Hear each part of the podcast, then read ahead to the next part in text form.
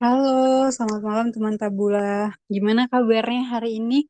Semoga masih tetap dalam keadaan yang sehat luar biasa ya. Ini suara aku kedengeran kan ya? Kalau misalkan suaraku putus-putus atau nggak jelas, tolong kasih tahu aku ya. Oh ya, hari ini kita kedatangan narasumber spesial. Lagi-lagi, asik. Siapa lagi kalau bukan Kak Citra pastinya. Aku mau sapa dulu nih Kak Citra. Halo Kak Citra. Halo Devi.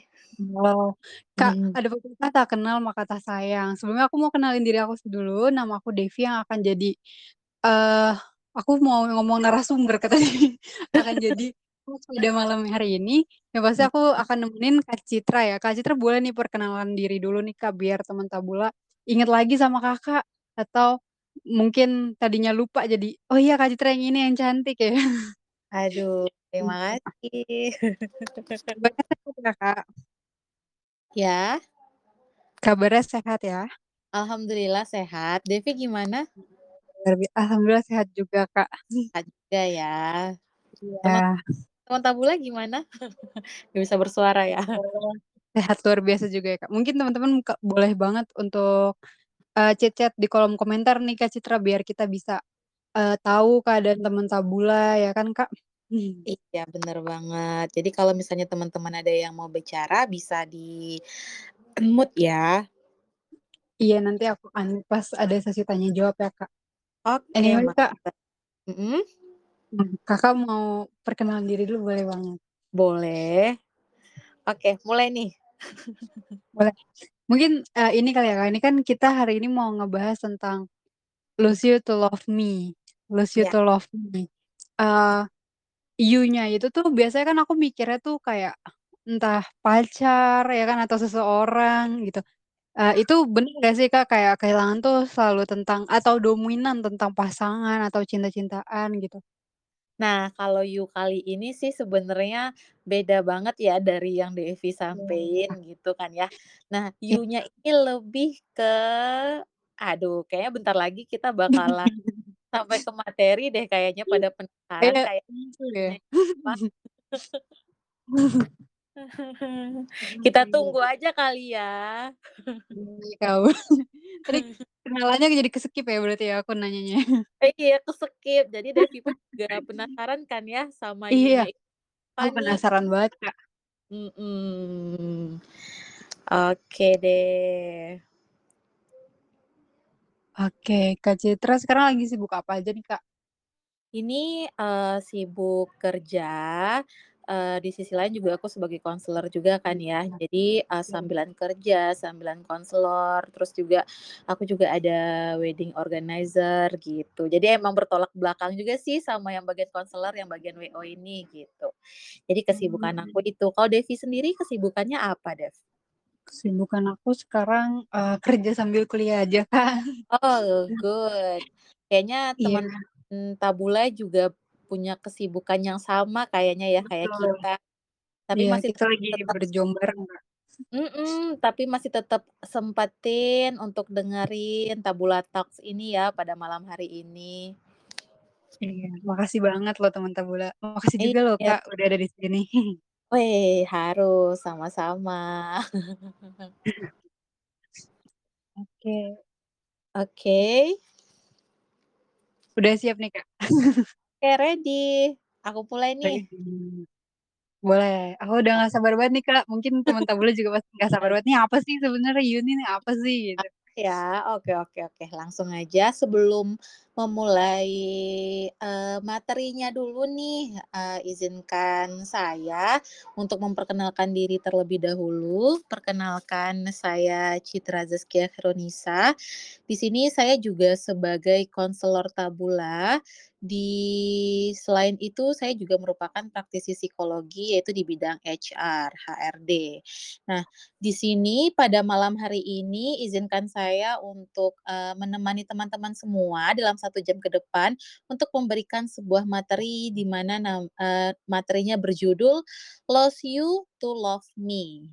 Nah, jadi langsung saja ini boleh kayaknya deh Dev, eee, di-share dulu nih materinya gitu, biar teman-teman bisa sama-sama ngelihat, gak ngedenger aku aja ngomong gitu loh. Oke, boleh Kak, sebentar Oke. ya. Oke.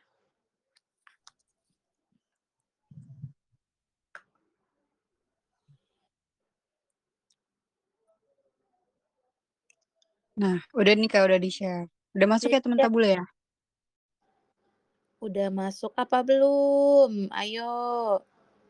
Sudah. Sudah, oke. Ya, di jadi untuk halaman pertamanya yaitu materinya Lost You to Love Me. Nah, jadi di sini, eee, saya punya quote terlebih dahulu nih, di mana perjalanan terberat dalam hidup itu adalah menemukan diri sendiri. Perjalanan terkelam dalam hidup adalah kehilangan diri sendiri. Perjalanan hidup paling membahagiakan dan penuh syukur adalah menemukan kembali diri sendiri. Jadi dari pertanyaan-pertanyaan dari yang Devi sampaikan tadi, untuk lost you-nya itu pada tema malam hari ini adalah kehilangan diri sendiri. Nah, di sini, eee, materinya mengenai lost you. Nah, jadi sebagian dari kita itu biasanya merasa tidak bermakna, sebagian yang lain mungkin sedang kehilangan dirinya. Kemudian dalam hidup ini kita dihadapkan pada berbagai krisis sebagai tanggung jawab perkembangan menjadi manusia dewasa. Dalam perjalanan menuju kedewasaan ini, ada kalanya itu kita sampai pada masa-masa yang penuh konflik. Ketika kita keinginan kita atau ekspektasi kita, realita kita yang tidak sejalan, ketika keinginan kita bertentangan dengan harapan orang-orang yang merasa dirinya lebih tahu daripada diri kita sendiri. Nah, ini misalnya contoh ketika kita lulus kuliah dan belum memiliki prospek kerja, kemudian ketika kita dikhianati oleh teman dekat, kemudian ketika kita melakukan wawancara dan kemudian itu gagal, kemudian kita merasakan yang namanya patah hati terberat, kemudian kita merugi dalam suatu bisnis, baru saja mengalami perceraian, berada dalam toxic relationship, dan hal lainnya yang menyumbang kecemasan dan rasa frustasi pada kita sehari-hari, ini bisa menyebabkan kita kehilangan diri kita sendiri. Nah, jadi untuk itu dari lost you atau kehilangan diri sendiri ini, membuat kita bertanya kembali, apa, siapa, dan mau ke mana diri kita ini. Namun yang kita temukan hanyalah diri kita yang lemah tak berdaya pada saat itu, terdegradasi dari himpitan dan kerasnya hidup. Nah, di sini kita bukan apa-apa, kita itu hanya seonggok manusia yang tidak berarti di luasnya galaksi ini, di luasnya permukaan bumi ini. Kita ini merasa insecure, merasa sedih, cemas, bimbang, tidak tahu akan berbuat apa, kemudian kita menyalahkan diri sendiri atas pilihan-pilihan hidup yang telah kita ambil, dan pada akhirnya kita kehilangan kendali atas diri kita sendiri. Nah, jadi ketika kita kehilangan arah atau kehilangan diri kita sendiri, kita itu berubah menjadi seseorang yang sama sekali tidak mengenal siapa kita. Kita bertanya-tanya, ini sebenarnya apakah diri kita sendiri atau memang ada yang mengendalikan kita, yang mengendalikan kita dari pendapat orang lain, yang mengendalikan kita dari situasi kita saat ini, kondisi lingkungan yang memang serba crowded, yang memang serba membuat frustasi.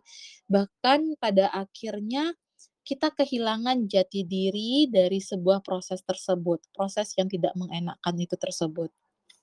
Nah, di sini kita itu juga melihat, merasakan, dan mengklaim bahwa itu kita itu adalah korban kehidupan. Kita ini semua adalah korban kehidupan. Sempat-sempatnya kita mengklaim diri kita bahwa kita itu korban kehidupan, itu dikarenakan karena korban perlakuan kasar orang terdekat, komentar jahat orang tua atau orang di sekitar kita, kebencian, konflik dengan keluarga besar, konflik dengan pacar, mantan yang abusive, kemudian mendapatkan teman-teman yang toksik, atasan yang emosinya tidak stabil, kemudian yang lagi kuliah dosennya yang suka mengkritik, kemudian saking kita merasa kita itu korban kehidupan, kita melihat orang-orang di jalanan yang ekspresinya membuat kita tidak nyaman itu merupakan, eee, suatu bahwasanya kita itu adalah korban kehidupan. Sesuatu ekspresi yang tidak mengenakan dari orang itu akan menyebabkan mood kita jadi nggak bagus gitu. Nah, rasanya dari proses-proses tadi, dari interaksi-interaksi dengan lingkungan sekitar itu, membuat kita itu terjatuh dan melukai hati kita sendiri. Membuat kita tidak nyaman lagi dengan hidup ini. Nah, kemudian membuat kita itu menderita depresi, cemas, atau sudah tak ada energi untuk menjalankan hidup. Nah, pada akhirnya kita merasa bahwasanya kita ini adalah korban kehidupan. Dengan proses-proses atau dinamika kehidupan tadi yang akhirnya kita merasa, "Oh, sepertinya aku tidak layak untuk hidup di dunia ini, dan pada akhirnya aku akan mengakhiri saja kehidupan ini," gitu. Nah, dengan adanya pemikiran-pemikiran tersebut, Mau sampai kapan sih kita mengeluh? Mau sampai kapan sih kita meratapi nasib yang ada ini, gitu loh. Nah, jadi dari proses tersebut kita kehilangan bahwasanya, eee, tidak ada lagi yang bisa kita harapkan pada diri kita, karena semua lingkungan itu menyalahkan kita, seperti itu. Nah, jadi kita beranggapan bahwasanya saya tidak lagi mengenal diri saya seperti apa, bagaimana saya untuk melangkah ke depannya, dan apa yang harus saya lakukan untuk stepping awal dalam perubahan ini. Semua pikiran-pikiran tersebut berkecamuk dan kita menyalahkan diri. Dengan itu kita tidak ada lagi yang namanya penerimaan diri atau self love, seperti itu. Nah, untuk mengatasi hal tersebut, di sini untuk love me-nya, di sini saya memberikan, eee, materinya mengenai menemukan diri kita dengan penerimaan. Artinya, dengan kita menemukan diri kita dengan sebuah penerimaan, itu merupakan love to myself. Nah, di sini untuk penerimaan sendiri, seperti yang kita ketahui, itu adalah namanya self acceptance. Nah, ini merupakan, eee, sesuatu yang bisa kita terima, semua yang ada dalam diri kita, baik mental ataupun fisik, ataupun kekurangan kita yang bersifat negatif, ataupun kelebihan kita yang bersifat positif, hingga berbagai potensi yang ada pada diri kita. Jadi dengan penerimaan diri ini, kita merasa bahwa, "Oh, Aku memang seperti ini, oh aku memang terlahir seperti ini, lingkungan aku yang membentuk aku seperti ini. Jadi terima kasih kepada diri ini telah menjadi seperti ini, karena lingkungan pun yang mendukung aku seperti ini. Baik itu kekurangan kita maupun kelebihan yang ada dalam diri kita. Nah, kemudian, eee, di sini juga bedanya ya, mungkin orang menganggap ya bahwa self eee, acceptance ini sama dengan self love. Nah, jadi di sini bedanya penerimaan diri dengan, eee, self love ini sendiri yaitu kalau self love ini merupakan tindakan, artinya yang berupa perilaku, perbuatan kita untuk merawat diri kita, untuk mendukung diri kita, dan mencintai diri kita sendiri. Nah, jadi bisa teman-teman tabula ketahui ya, untuk perbedaan ini sendiri, ketika kita sudah menerima diri kita seperti apa, untuk melakukan perawatan atau untuk melakukan pra apa, mendapatkan sebuah ilmu, itu yang baru namanya self love, seperti itu. Jadi dari itu tindakan untuk memperbaiki diri kita lebih baik lagi, seperti itu teman-teman. Nah, kemudian Sebenarnya kita harus tahu terlebih dahulu nih, apa saja manfaat kita untuk menerima diri kita sendiri. Nah, di sini bisa teman-teman ketahui, eee, teman-teman itu pada akhirnya ketika teman-teman, eee, love yourself, teman-teman akan menjadi lebih bahagia. Mengapa menjadi lebih bahagia? Karena teman-teman itu akan dilingkupi perasaan dan pikiran yang positif. Nah, dengan adanya pikiran, perasaan yang positif tersebut, teman-teman menjadi jauh lebih bahagia dan lebih menanggapi suatu kondisi itu dengan lebih positif, seperti itu. Nah, kemudian Dengan manfaatnya menerima diri ini sendiri, teman-teman bisa menurunkan rasa takut dalam mencoba hal baru. Kenapa?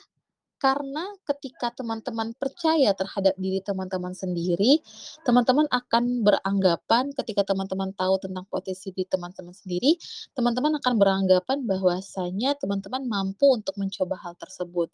Jadi tidak ada rasa cemas atau takut akan kegagalan ketika mencoba sesuatu hal yang baru, seperti itu. Nah, selanjutnya yaitu teman-teman akan menurunkan rasa cemas akan kegagalan. Seperti yang sudah saya sampaikan tadi, ketika semua hambatan-hambatan yang terjadi, teman-teman pada akhirnya merasa tidak cemas lagi dengan apa yang terjadi, karena teman-teman sudah mengetahui bahwasanya teman-teman mampu untuk melakukan hal tersebut. Nah, kemudian teman-teman akan menemukan banyak potensi dari diri teman-teman sendiri. Karena ketika teman-teman berpikiran positif, kemudian teman-teman melakukan aksi yang positif, teman-teman menyadari, "Oh, ternyata aku ini memiliki potensi yang luar biasa ya.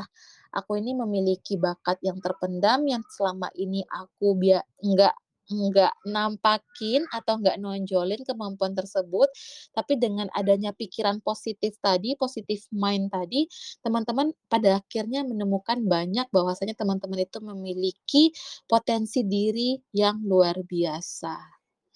Nah, kemudian pada akhirnya manfaat menerima diri ini sendiri, teman-teman akan merasa lebih percaya diri dalam mencapai tujuan.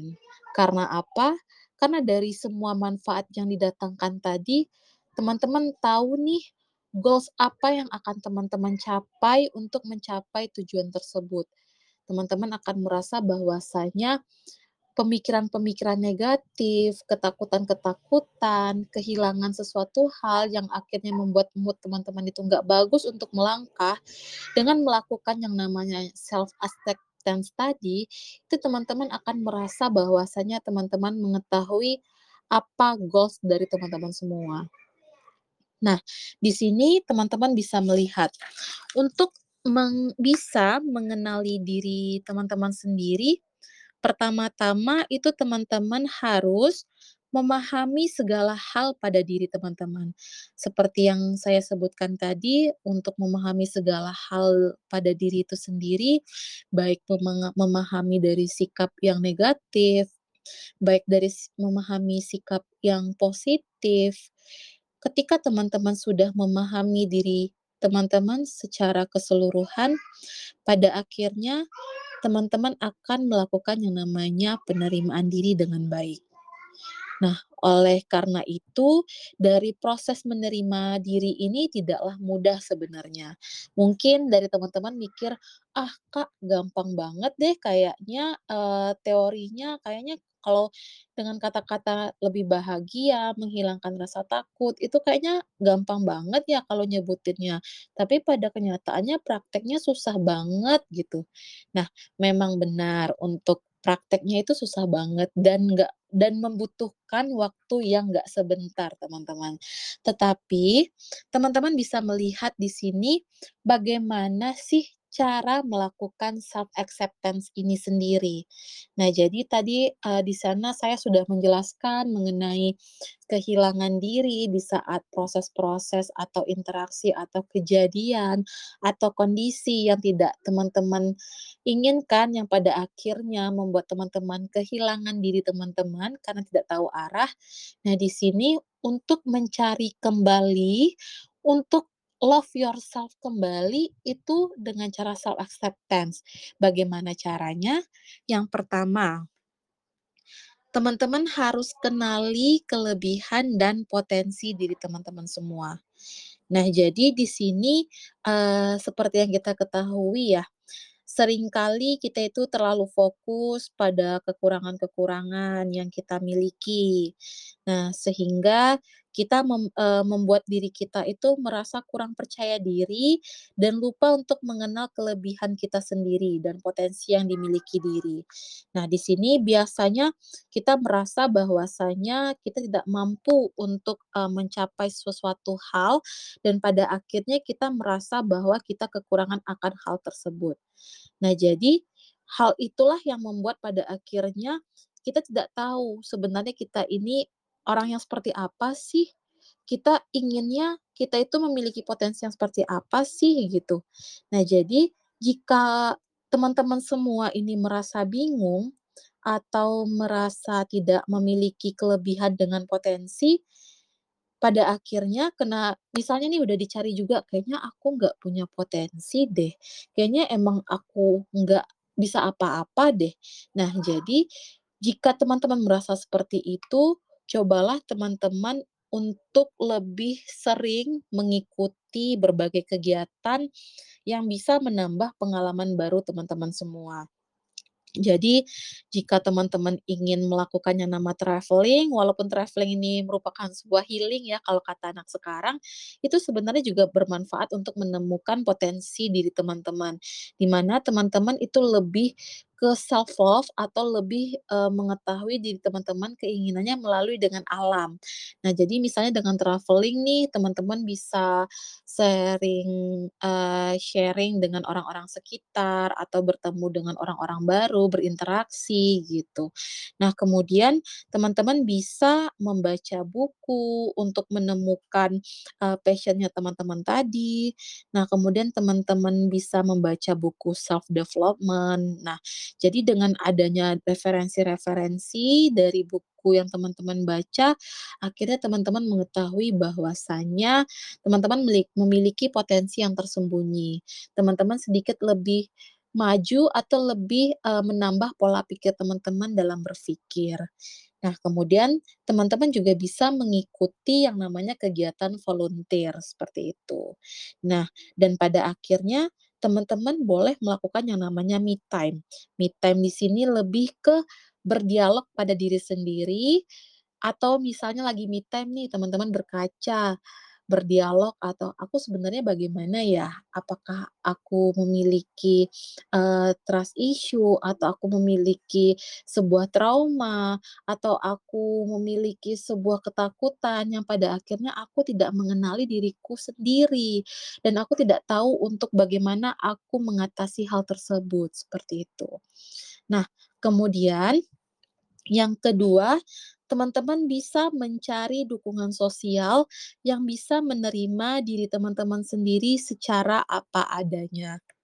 Nah, jadi di sini menerima diri sendiri itu menjadi proses yang lebih menantang ketika teman-teman berada di lingkungan yang tidak bisa menerima kehadiran kita secara apa adanya. Jadi ketika kita berada dalam suatu lingkungan yang secara sadar atau pada kenyataannya itu tidak menerima keberadaan kita, seperti itu teman-teman. Oleh karena itu, penting untuk kita itu mencari lingkungan yang tepat, kemudian yang bisa yang pertama itu menerima diri kita secara apa adanya. Nah, jadi di sini mereka itu mau kita orangnya suka emosian, atau memang kita suka pundungan, atau memang kita suka, eee, ya kayak suka ngambekan gitu loh. Nah, jadi ketika kita berada di tempat yang tepat, itu orang akan memahami bahwa kita seperti itu. Nah, kemudian, eee, kita mencari lingkungan yang bisa mencintai kita tanpa syarat. Jadi misalnya nih dalam suatu hubungan, ketika kita mendapatkan sebuah pasangan yang pada akhirnya dia tidak bisa menerima kita apa adanya, yang ternyata kita harus seperti ini, kita harus sabar, kita harus mengerti dia atau segala macam, tapi kita nggak mendapatkan feedback yang sebaliknya dari dia, maka nggak papa banget teman-teman untuk melakukan yang namanya cut off. Cut off dari lingkungan yang tidak menerima teman-teman yang mencintai teman-teman tanpa syarat. Nah, kemudian untuk mencari lingkungan yang tepat, itu yang bisa menjadi tempat pulang di saat suka maupun duka. Jadi ketika teman-teman mencari sebuah eee, mencari seorang teman, mencari seorang pasangan, atau mencari orang yang untuk tempat berdiskusi segala macam, itu teman-teman sebisanya untuk mencari orang-orang yang bisa menjadi tempat pulang ketika teman-teman susah, atau berasa sedih, atau menjadi tempat teman-teman untuk bercerita ketika eee, ketika sedih. Nah, sebaliknya juga ketika teman-teman itu merasakan, eee, bahagia. Jadi ketika teman-teman berada dalam lingkungan yang tepat, ketika teman-teman bahagia, itu tidak ada lagi kecemburuan sosial atau sirik-sirikan dari orang-orang, terutama yang terdekat sama kita, seperti itu. Jadi ketika teman-teman berada dalam lingkungan yang tepat yang memiliki dukungan sosial yang baik kepada teman-teman semuanya, teman-teman pasti akan berpikir bahwa tidak akan ada lagi orang yang iri atau orang yang tidak mencintai teman-teman dengan tulus. Nah, di sini cobalah cari orang-orang yang bisa membuat teman-teman itu merasa nyaman, sehingga teman-teman ini bisa menjadi lebih mudah untuk menerima diri sendiri. Karena adanya dukungan dari lingkungan sekitar, pada akhirnya teman-teman merasa berharga, dan teman-teman bisa menjadi diri sendiri, dan teman-teman tidak kehilangan diri diri sendiri dan menjadi diri sendiri dalam lingkungan yang tepat. Nah, kemudian yang ketiga, ini teman-teman bisa membandingkan diri dengan bijak. Jadi kebanyakan dari kita itu pasti sering kan ya merasa, "Ah, aku lebih jelek deh daripada yang si B. Ah, aku rasanya tidak memiliki kemampuan. Oh, aku rasanya kayak nggak berguna deh dalam lingkungan ini," gitu loh. Nah, jadi ketika kita terus membandingkan diri dengan orang lain, padahal sebenarnya setiap orang itu, eee, memiliki minat dan tujuan hidupnya masing-masing, teman-teman. Jadi di sini ketika kita memiliki goals A, belum tentu orang lain itu memiliki goals yang sama dengan kita. Pasti mereka memiliki yang namanya goals B, C, dan D, segala macam seperti itu. Nah, tetapi kita langsung membandingkan diri kita, bahwasanya kita ingin seperti dia. Nah, otomatis dalam proses mencapai goals itu sendiri, pasti ada langkah-langkah yang memang berbeda. Misalnya kita memiliki goals A, kita memiliki sebuah proses atau langkah-langkah untuk mencapai goals tersebut. Sementara teman kita, pasangan kita, atau orang-orang yang ada di lingkungan sekitar itu memiliki goals B, C, dan D. Dan itu juga memiliki proses, langkah-langkah yang berbeda. Tetapi dalam menuju proses tersebut, teman-teman itu melakukan perbandingan dari hasil proses tersebut. Teman-teman merasa, "Kok aku kayaknya nggak nyampe-nyampe ya dalam goals yang aku inginkan? Kok rasanya aku rasanya nggak bahagia banget ya? Kok mereka terlihat bahagia ya? Oh, kok mereka gampang aja ya menemukan prosesnya atau nggak ada hambatan deh kelihatannya beda banget sama aku," gitu. Nah, jadi ketika kita merasa hal tersebut, kita harus melihat kembali bahwasanya kita harus membanding membandingkan diri kita itu secara bijak, teman-teman. Nah, oleh karena itu, ketika kita sedang membandingkan diri kita dengan orang lain, coba deh kita tanyakan kepada diri kita sendiri dengan 2 pertanyaan. Nggak banyak-banyak pertanyaannya. Jadi cukup 2 teman-teman mempertanyakan ketika teman-teman berada dalam posisi atau dalam perasaan atau pikiran ketika membandingkan diri dengan orang lain. Pertanyaan yang pertama, kenapa saya membandingkan diri saya dengan orang itu? Jadi di sini kata-kata kenapa saya membandingkan diri saya dengan orang itu, teman-teman pasti akan mendapatkan ribuan jawaban kenapa. Mungkin karena, oh dia lebih lebih bagus dalam karirnya, oh dia lebih cemerlang dalam, eee, akademiknya, oh ternyata dia lebih banyak disukai orang, oh ternyata le dia lebih cepat nikah duluan, oh ternyata dia lebih bagus nih dalam hal skill komunikasi segala macam yang teman-teman sementara teman-teman inginkan. Coba teman-teman pertanyakan terlebih dahulu, apakah itu merupakan goals teman-teman semua? Nah, jadi Pertanyaan yang kedua, teman-teman bisa menanyakan, apakah yang dia lakukan itu sesuai dengan minat dan tujuan hidup saya ya.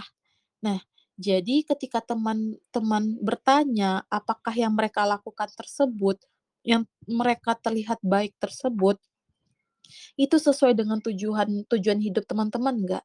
Seperti itu. Nah, dengan membandingkan 2 hal tersebut dan teman-teman menjawab dari pertanyaan itu, barulah teman-teman dikatakan bijak dalam me membandingkan diri dengan orang lain, seperti itu.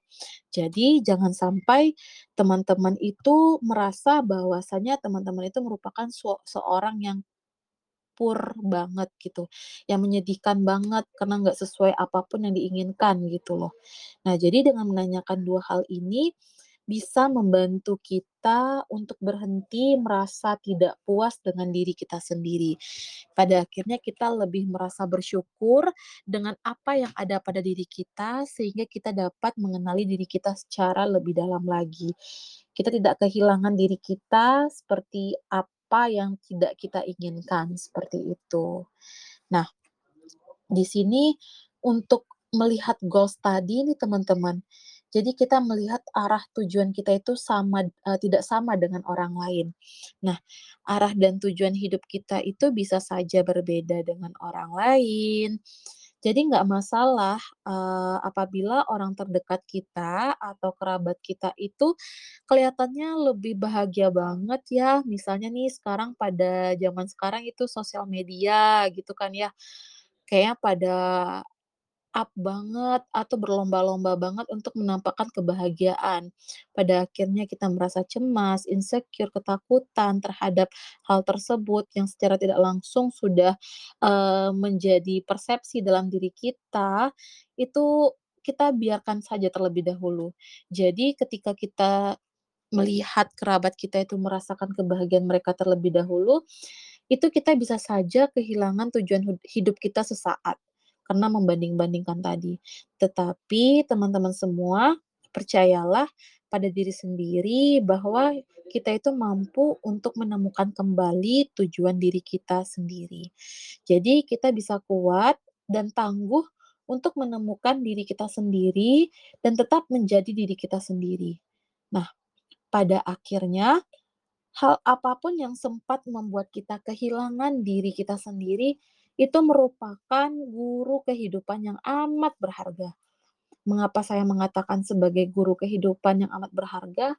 Karena pengalaman-pengalaman ataupun kondisi-kondisi yang terjadi tersebut, itu merupakan suatu hal yang berharga. Nggak bisa kita dapatkan dalam buku, dalam teori-teori, karena itu merupakan suatu pelajaran yang nyata yang sedang kita hadapi, yang sedang kita proses, eh, yang sedang kita dalam proses tersebut. Artinya, dalam proses tersebut kita melakukan berbagai cara atau berbagai macam metode trial and error untuk menemukan titik terang dari problem tersebut. Itulah dinamakan mengapa pengalaman itu sangat berharga, mengapa pengalaman itu merupakan guru kehidupan yang amat berharga. Mungkin bisa teman-teman resapi, bisa teman-teman ingat-ingat kembali, apa saja pengalaman-pengalaman yang pada akhir pengalaman pengalaman baik ataupun buruk yang pada akhirnya bisa membuat teman-teman bertumbuh hingga teman-teman mencapai proses berpikir pada saat sekarang ini. Dengan teman-teman melakukan, eee, ikut pada Tabula Talks ini, ini merupakan satu langkah lebih maju teman-teman untuk mengenali diri sendiri. Bahwasanya teman-teman memang butuh untuk sharing atau butuh materi atau butuh discuss discuss discuss terhadap problem dari kehilangan diri sendiri. Nah, kemudian hal-hal itu adalah mentor kehidupan kita yang mengajarkan kita pada sebuah penerimaan, yang mengajarkan kita pada kerelaan, yang mengajarkan kita pada kehilangan, semangat untuk menemukan apa yang pernah hilang. Nah, jadi di sini ingatlah teman-teman semuanya bahwasanya hidup itu masih panjang. Nah, di sini saya mau menyampaikan kepada teman-teman semuanya bahwasanya perjalanan hidup kita itu masih panjang, teman-teman. Bagi siapa pun yang sedang saat ini, teman-teman tabula pada merasa kehilangan diri sendiri, terhadap kondisi yang ada, terhadap lingkungan saat ini, teman-teman nggak sendiri. Semua orang pasti merasakan yang namanya kehilangan diri sendiri. Tetapi yang membedakan bagaimana seseorang itu bangkit atau tidak la terlalu terpuruk dalam kondisi tersebut. Artinya durasilah yang mem yang men yang memiliki perbedaan tersebut. Jadi kenyataannya untuk kita menuju proses pendewasaan, ketika kita berinteraksi dengan lingkungan sosial, ketika kita mendapatkan kondisi yang tidak baik, itu tidak jarang kita eee, mendapatkan sebuah kehilangan jati diri kita, kehilangan diri kita sendiri. Jadi, yang selagi kita masih hidup, selagi kita yang dinamakan seorang manusia, kita pasti tidak sendiri mengalami hal tersebut, teman-teman semuanya. Nah, ingatlah juga bahwa kehilangan diri sendiri adalah perjalanan hidup manusia yang paling kelam. Jadi ketika kita tidak mengenal diri kita, tetapi jangan dulu teman-teman menyerah pada hidup ini. Mungkin kita banyak melihat di sebuah berita yang pada akhirnya orang mengakhiri hidupnya karena proses-proses yang tidak mengenakan, baik diputusin oleh pacar, baik dengan adanya terjadi problem dengan teman kantor, terjadinya problem dengan teman-teman kampus atau segala macam. Itu jangan menyerah, pokoknya jangan menyerah pada hidup, karena kita masih akan ada perjalanan hidup ke depannya yang akan membahagiakan teman-teman semuanya, yang akan menemukan diri teman-teman secara utuh, seperti itu. Nah jadi, eee, ingatlah bahwa di sini saya mengajak teman-teman untuk bersyukur. Maksudnya di sini perjalanan yang akan membuat kita mensyukuri bahwa di hari ini kita tidak menyerah. Jadi ketika teman-teman terus berusaha, bahwasanya, eee, teman-teman mengetahui bahwa tidak ada pelangi setelah hu eee, akan ada pelangi setelah hujan, seperti itu. Teman-teman meyakini akan hal tersebut. Nah ketika ti ketika teman-teman menyadari akan hal tersebut, perjalanan itulah adalah menemukan diri kembali teman-teman secara utuh. Jadi dengan dengan teman-teman bersyukur, perjalanan itu adalah menemukan diri te teman-teman kembali.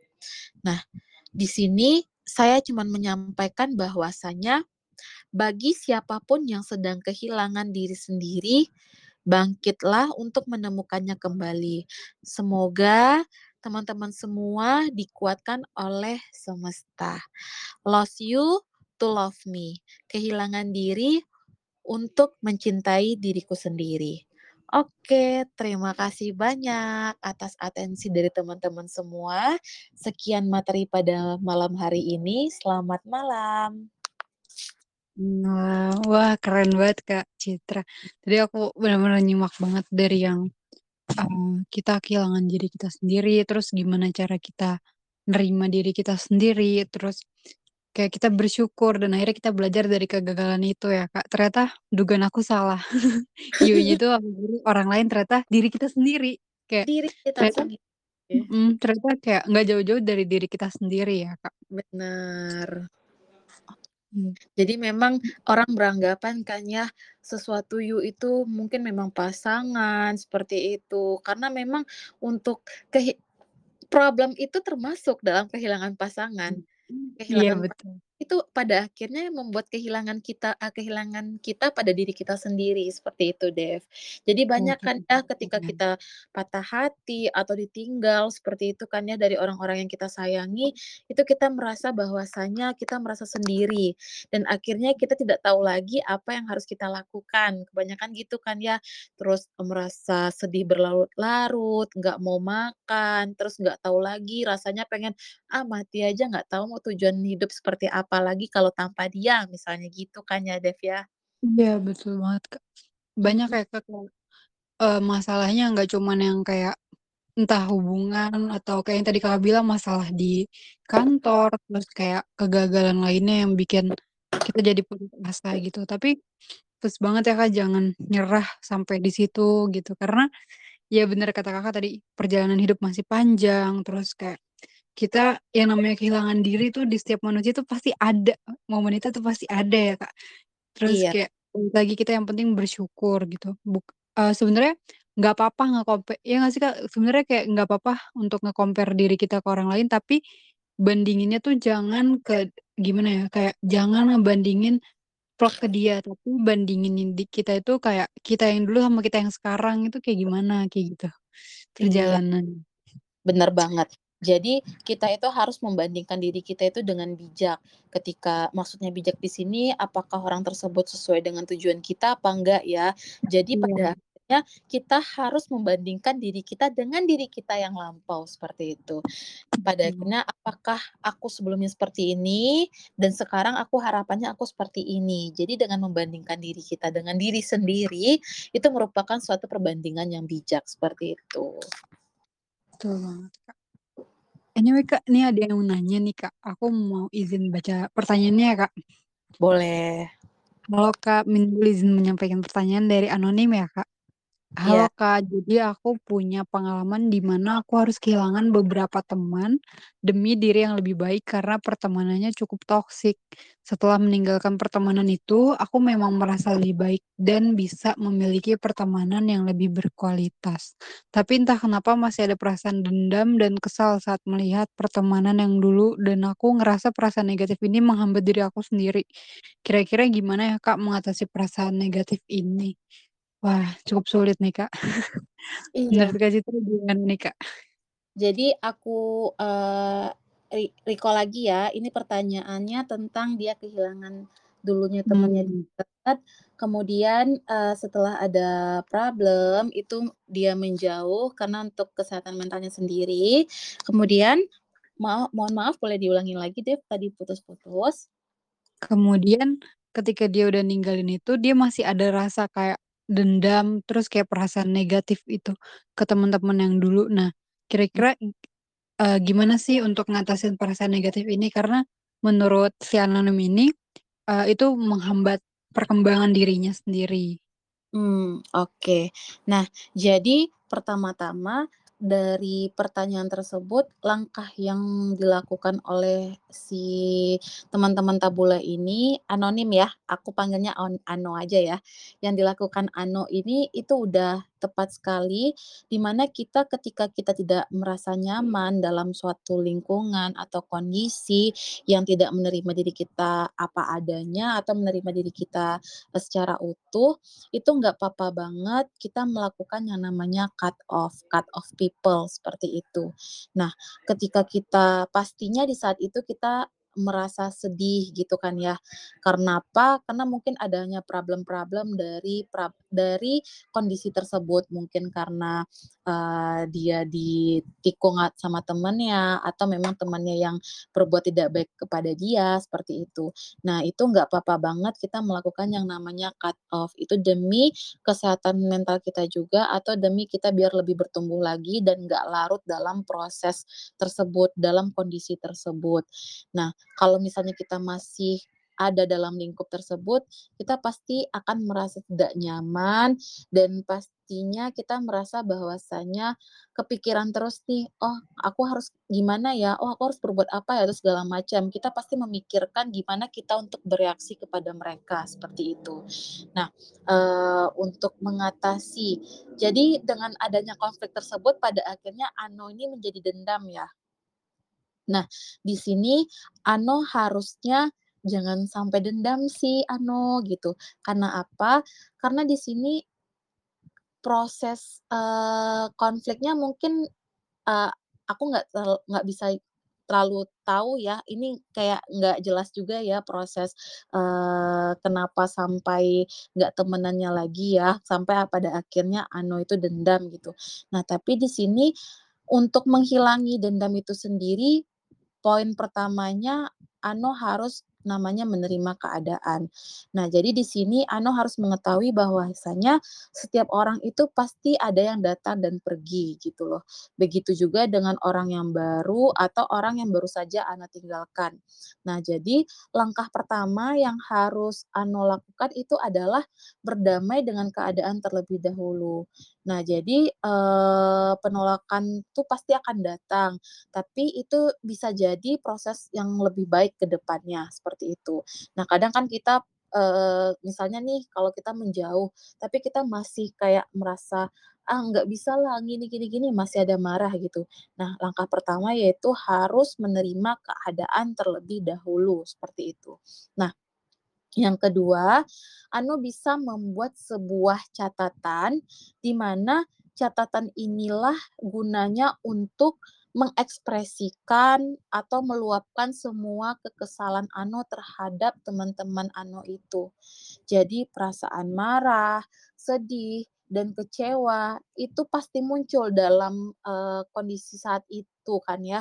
Jadi Anu itu bisa untuk meluapkannya dengan cara menulis sana. Jadi segala rasa yang ada itu akan mengalir. Jadi emosi itu mungkin akan membuat kata-kata mengalir dengan lebih baik. Jadi ketika marah, itu Anu bisa menulis, mencoret-coret buku atau segala macam, marah, benci, dendam, segala macam, apa pun perbuatan yang dilakukan oleh teman-teman itu Anu bisa tulis dalam sebuah buku. Lebih baiknya lagi, eee, Anu itu menulis rencana-rencana ke depannya ketika Anu, eee, misalnya nih, Anu ingin menjauhi orang tersebut karena orang ini memiliki sifat A, B, C, D, sehingga Anu membencinya gitu loh. Nah dengan Anu menuliskan, otomatis emosi atau perasaan kita itu akan teralirkan dalam sebuah tulisan tadi, dan itu merupakan sedikit kekurangan dalam diri sendiri. Nah kemudian, Anu juga harus berikan diri, eee, untuk meluangkan waktu untuk diri sendiri. Jadi, eee, beberapa orang mungkin akan meminta Anu untuk melupakan orang tersebut gitu kan ya. Ja tapi nyatanya nggak gampang, karena orang itu emang ada di sekitar kita atau memang kita melihatnya dalam keseharian kayak gitu kan ya. Nah tapi di sini Anu harus pahami bahwasanya Anu harus bisa menerima kondisi tersebut, karena proses penerimaan itu memang susah. Nah tetapi dengan adanya tindakan-tindakan, eee, menerima keadaan, mengetahui keadaan, mengetahui perasaan, memvalidasi emosi yang dirasakan bahwasanya Anu membenci orang itu, lambat laun Anu akan, eee, merubah perspektif negatif tadi, yang perspektif dendam tadi, jika Anu menerima perasaan tersebut, memvalidasi tersebut, Anu akan merasa jauh lebih baik, dan Anu menerima keadaan bahwa orang tersebut sudah tidak lagi dekat dengan Anu. Dan itu merupakan proses yang namanya cut off people, seperti itu. Nah di sini juga diharapkan bahwasanya, eee, Anu nggak boleh untuk terus bersedih atau terus dendam dengan kondisi yang ada, seperti itu. Jadi ketika pemikiran-pemikiran tersebut atau dendam tersebut muncul, Anu bisa mengalihkannya dengan langsung kayak, "Eh buka, eee, itu ah, TikTok ah, eh buka ini ah," gitu. Jadi dengerin musik ah, gitu. Jadi ketika momen ketika dendam melihat orang tersebut itu muncul, Anu bisa mengalihkan perhatian Anu ke hal yang lebih baik lagi, seperti itu. Gitu deh Vy, gimana? Anonim? Berarti tadi kayak jawabannya kita harus si anonim ini harus menerima keadaan, terus kayak Benar. mungkin menulis apa yang dirasain supaya, eee, emosi-emosi itu tertuang dalam tulisan itu ya, Kak. Iya. Terus kayak mhm. Mmm, terus kayak itu, eee, termasuk proses cut off yang di mana kayak itu pasti hal itu terjadi gitu, kapan pun gitu, pasti ada aja yang kayak gitu ya, Kak. Nah karena ya namanya manusia kan beda-beda dan pastinya ada yang cocok dan nggak cocok kan, Benar kayak bang git iya. Jadi Iya kita tuh. Selamanya harus mengikuti apa kata orang, nggak selamanya, oh kena kita berteman lebih lama dengan orang ini, tetapi ternyata mereka ini toxic gitu loh, toxic people gitu. Jadi ya nggak papa banget perlahan kita untuk melakukan yang namanya cut off people tadi, gitu loh. Untuk diri kita lebih bertumbuh lagi karena kita nggak akan memikirkan masalah eee, bersosialisasi dengan mereka, seperti itu deh. Mmm, oke. Oke deh makasih Kak Citra atas jawabannya semoga, eee, Kak Anonim ini terjawab ya pertanyaannya ya. Mungkin kalau misalkan belum ada yang ngeganjel atau apa bisa ditanyain lagi. Kak, aku next ke pertanyaan selanjutnya nih Kak, dari Kak. Febrianti Putri. Mhm. Kalau Kak, aku mau izin bertanya nih, Kak, aku tuh sering ngalamin kesulitan dalam mengontrol emosi, jadi sering temperamental gitu, dan itu berujung membenci pada diri sendiri yang nggak bisa mengontrol emosi.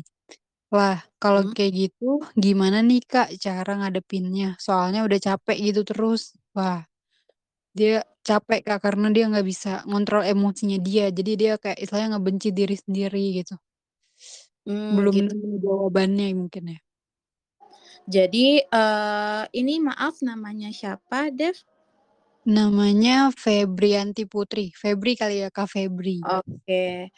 Oke, jadi Kak Febri di bertanya, eee, Kak Febri itu kurang dalam mengontrol emosi ya, Dev, ya.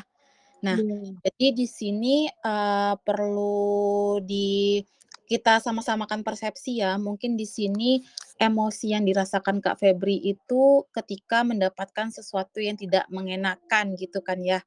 Nah, Iya. Ketika, eee, menahan amarah seperti itu, yang misalnya ada stimulus yang tidak mengenakan dan pada akhirnya, eee, Kak Devi itu emosi dan tidak tidak bisa untuk menahan emosi tersebut gitu kan ya. Nah, jadi di sini Eee, untuk bagaimana cara mengendalikan hal tersebut, di sini bukan berarti tidak bisa tidak menghad menghadapi situasi yang dapat memicu amarah ya. Jadi di sini, eee, ketika ada ada stimulus yang memunculkan, eee, emosi tersebut, yang memicu emosi tersebut, kita akan menyadari bahwasanya saat itu kita akan marah. Dan pada saat itu kita harus memegang kontrol atas diri kita. Jangan sampai, eee, amarah itu akhirnya, eee, membuat kacau gitu loh. Bisa jadi kita orang yang kecipratan sama emosi kita, kemudian, eee, kita bisa jadinya kayak banting-banting segala macam yang ada di sekitar kita, seperti itu. Nah, di sini untuk bagaimana cara mengatasinya tersebut, itu caranya itu beraneka ragam nih, Dev. Sebenarnya tergantung dari treatment-treatment treatment-nya kita. Itu yang pertama, bisa perlahan nih ketika terjadi sebuah stimulus yang mengenakkan gitu kan ya, yang tidak mengenakan. Nah, perlahan terlebih dahulu kita lakukan yang namanya menenangkan diri.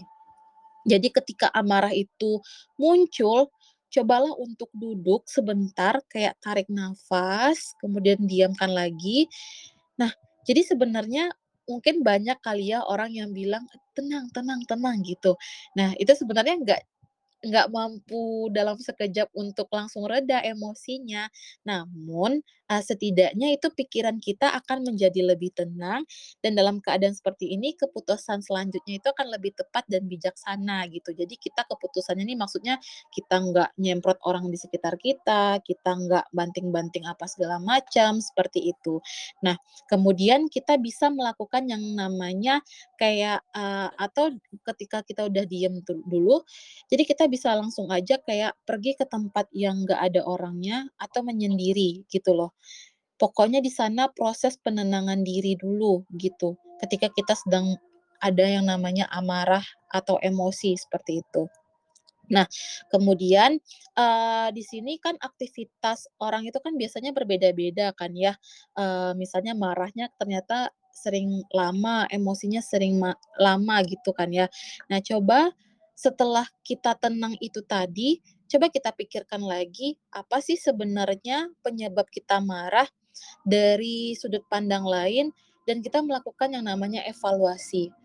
Kayaknya kalau untuk, eee, stimulus yang nggak begitu, eee, membuat amarahnya berlebihan, kayaknya bisa deh kita kurangin dulu kadarnya, kayaknya nggak perlu terlalu dipikirkan banget deh kayaknya, gitu. Nah, kemudian kita lihat lagi nih, apakah stimulus it kita melakukan evaluasi lagi nih, apakah stimulus itu memberikan, eee, apa namanya, memberikan, eee, kadar yang sedikit atau banyak, seperti itu. Nah, di sini eee, ketika kita sudah melakukan yang namanya kontrol tadi kontrol tadi, jadi kita bisa, eee, melakukan yang namanya validasi emosi tadi. Sama sih sebenarnya yang dengan problem pertama, apa pun yang bersifat amarah, kita harus memvalidasi emosi kita dulu. "Oh saat ini aku memang marah, oh saat ini aku memang jengkel, kesal, segala macam," kayak gitu. Nah, kemudian ketika kita telah meredamkan emosi, barulah kita mengetahui bahwasanya, "Oh ini nggak baik nih untuk kita, kayaknya ini bakalan mengganggu, kayaknya ini bakalan bikin aku pusing, aku muntah dengan marah ini," gitu loh. Nah, tapi ketika hal-hal tersebut tidak bisa lagi dilakukan, nah barulah, eee, teman-teman atau barulah Febri melakukan yang namanya konsultasi. Karena marah ini pun sebenarnya ada siklusnya juga nih, kalau memang amarahnya atau emosinya nggak redam selama 6 bulan, itu boleh banget Devi untuk berkonsultasi ke psikolog ataupun ke konselor, seperti itu. Karena itu akan di kalau untuk psikolog sendiri, itu akan diberikan sebuah terapi untuk penanganan hal tersebut. Nah, untuk konselor sendiri, itu nantinya Devi akan diberikan, eee, pemikiran-pemikiran positif yang pada akhirnya Devi tidak gampang untuk tersulut emosi, seperti itu. Oke, jadi pertama yang harus dilakukan itu kita nenangin diri dulu, kayak Iya, biar emosi kita redam ya. Karena kan cara nenangin diri orang itu beda-beda ya, Kak. Ada yang kita tadi Kakak bilang menyendiri, ke Mhm. tempat yang nggak ada orang lah, atau Mhm. kayak inhale, exhale gitu. Itu kalau nggak salah ada kayak, eee, apakah latihan pernapasannya gitu ya, 3, 4, 4 apa berapa ya, Kak, aku lupa lagi. Ya Iya. pokoknya ada ya hitungannya gitu ya, Kak. Terus Mhm. sampai, eee, fase Kak, kita harus validasi juga apa yang kita rasain tuh, itu beneran yang kita rasain, jangan denial kayak, "Enggak ah, nggak sedih, enggak kok," gitu. Bener Kebanyakan kita sering banget. banget kayak gitu sih, Kak, ya. Karena kan pada kenyataannya manusia ini sering banget denial kan ya, Dev, ya. Kayak, Iya. "Ah, enggak lah," padahal sebenarnya lagi marah nih, lagi kesel kayak gitu. Betul. "Enggak enggak enggak," kayak gitu. Jadi kayak, eee, "Oh nggak bisa gini gini," pada denial lah intinya gitu loh. Jadi Iya. Kita nggak papa, jangan jangan merasa malu sama diri sendiri kalau saat itu kita memang lagi marah gitu loh. Mhm, betul. Kadang biar kita ngerasa baik-baik aja, jadi kita nggak ngakuin apa yang kita rasain. Bener, jadi kan ada juga nih orang yang memang nggak nggak pengen kelihatan dia lagi emosi atau marah, ya nggak papa nggak papa, ujung-ujungnya nangis gitu kan ya. Sebenarnya kalaupun nangis, itu nggak papa banget sih, karena kan memang ada air mata itu mengeluarkan hormon apa gitu yang melegakan diri, seperti itu. Nah, tapi kalau seandainya kita terus-terusan nangis, kita terus-terusan bilang nggak papa, itu ya memang nggak bagus banget untuk kesehatan mental kita, gitu. Oke, makasih Kak Citra atas jawabannya. Kira-kira Kak Febri udah terjawab belum nih sama pertanyaan eh, jawaban, kok jadi pertanyaan sih? Jawaban dari Kak Citra. Iya, kalau seandainya Febrinya masih belum, nggak papa, tanya lagi aja, bisa gitu. lagi ya. Iya. Oke, Kak, ini kan kita 3 menit lagi jam 8.00 nih. Apa Mhm. boleh nggak aku nanya 1 pertanyaan lagi atau mau dibahas lewat chat aja? Mmm, kayaknya nggak papa sih, cuman Nggak papa. tadi pertanyaannya banyak banget ya. Aku jadi Iya. semangat, Dev, untuk menjawabnya. Bener. Oke, aku ba baca pertanyaan terakhir ya, Kak, ya. Iya, Yang bo tadi tuh sebenarnya dari tadi ada yang nge-chat aku nih, Kak, yang aku kirim. Eee, Iya. dari anonim juga, "Kak, boleh tanya kalau kalau kita berada pada circle yang menerima kita, tetapi kita merasa kemampuan kita malah berada pada titik terendah jika dibandingkan orang-orang yang ada dalam circle itu. Bukan sesuai standar yang diri sendiri inginkan, solusinya apa ya? Ini agak mengganggu kenyamanan aku. Apa harus menurunkan standar diri yang apa ya, apa harus menurunkan standar diri sendiri atau mengganti circle yang lebih cocok?" Oh, gitu. Oke. Nah, jadi ketika kita berada di circle nih yang kita pengen gitu eh, yang nerima kita sebenarnya apa adanya, tapi pada kenyataannya circle tersebut kayaknya nggak sesuai sama kemampuan kita deh, gitu kan ya. Nah, Iya. that's point kita itu pasti ngerasa yang namanya insecure kan ya. Nah, jadi kita merasa, "Ah, aku nggak mampu, kayaknya teman-teman circle aku lebih bagus banget," kayak gitu kan ya. Nah, tetapi ketika kita merasakan insecure, itu kita mengubah pikiran kita menjadi negatif. Tetapi harusnya kita berpikiran positif dong, jadikan, eee, kemampuan-kemampuan eee, yang circle kita tersebut sebagai sebuah motivasi agar kita menjadi lebih baik lagi ke depannya. Misalnya nih circle kita si A ini memiliki kem eee, kemampuan komunikasi yang baik, yang B ini memiliki, eee, kemampuan akademik yang bagus, yang C memiliki kemampuan yang bisa bersosialisasi dengan orang, mempunyai prestasi yang luar biasa gitu. Nah jadi kita nggak apa-apa banget untuk, eee, ngobrol atau sharing sama mereka kayak, "Gimana sih caranya kamu bisa achieve dalam hal tersebut? Boleh tahu dong," gitu, "biar aku bisa lebih baik lagi ke depannya." Atau memang kalau nggak pengen langsung, bisa lakukan yang namanya observasi, apa pun yang mereka lakukan gitu loh, Dev. Jadi dengan adanya hal tersebut, eee, dengan adanya hal tersebut, teman-teman bisa tahu nih apa pun yang walaupun nggak pinter-pinter banget gitu, jadi bisa jadiin motivasi sebenarnya. Iya, Gitu. jadi istilahnya kita mandang itu sebagai hal yang positif lah ya, Kak. Jangan Benar, kayak mhm. jangan diba jangan dijadiin beban gitu. Iya, kalau misalnya kita jadiin beban, akhirnya kita merasa insecure kan ya, gitu loh. Iya, jadi keberatan, terus pusing deh. Heeh, jadi kalau misalnya kita lebih berpandangan, "Oh, itu aku jadikan sebuah motivasi untuk bisa menjadi seperti mereka," gitu. Dan pada akhirnya kalau kita merasa insecure, kita pasti membandingkan diri gitu kan ya, yang ujung-ujungnya membuat kita sirik dengan pencapaian mereka gitu. Lebih. Tapi kalau misalnya kita membuat sebuah motivasi, nah mereka pasti paham juga nih, pasti eee, namanya circle kan ya yang kalau menerima kita apa adanya, pasti mereka sama-sama membantu kita untuk bertumbuh bersama gitu. Yap, betul. Emang itu perlu banget sih, Kak, kayak pikiran positif, terus kayak hal-hal yang bikin kita jadi istilahnya lebih maju lah ya.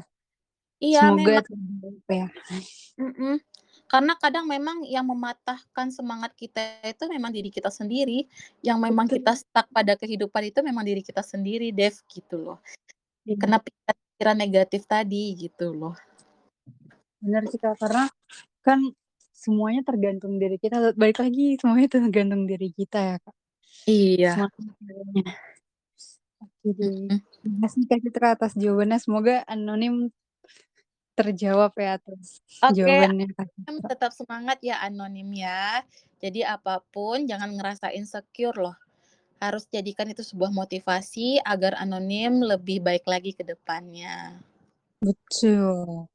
Itu jadi pertanyaan terakhir nih, Kak, di sesi malam ini. Waduh. Terima kasih. Oh, belum deng, maksudnya dalam, eee, apa ya, voice call voice call. Aku udah Oke. pengen aja nih ya, sorry, Kak. Eee, iya, mungkin buat teman-teman yang pertanyaannya masih belum dijawab, nanti akan dijawab sama Kak Citra melalui via chat ya, Kak. Mmm, oke, ya sip, Oke. via chat. Mungkin ada kata terakhir nih, Kak, untuk kita biar semangat. Closing statement dari Kak Citra ada nggak? Mmm, aku cuman mau ngasih tahu ke teman-teman semua, bahwasanya teman-teman itu seperti yang aku bilang tadi, jangan menganggap seseorang itu sebuah saingan, jadi saingannya itu adalah diri sendiri, seperti itu.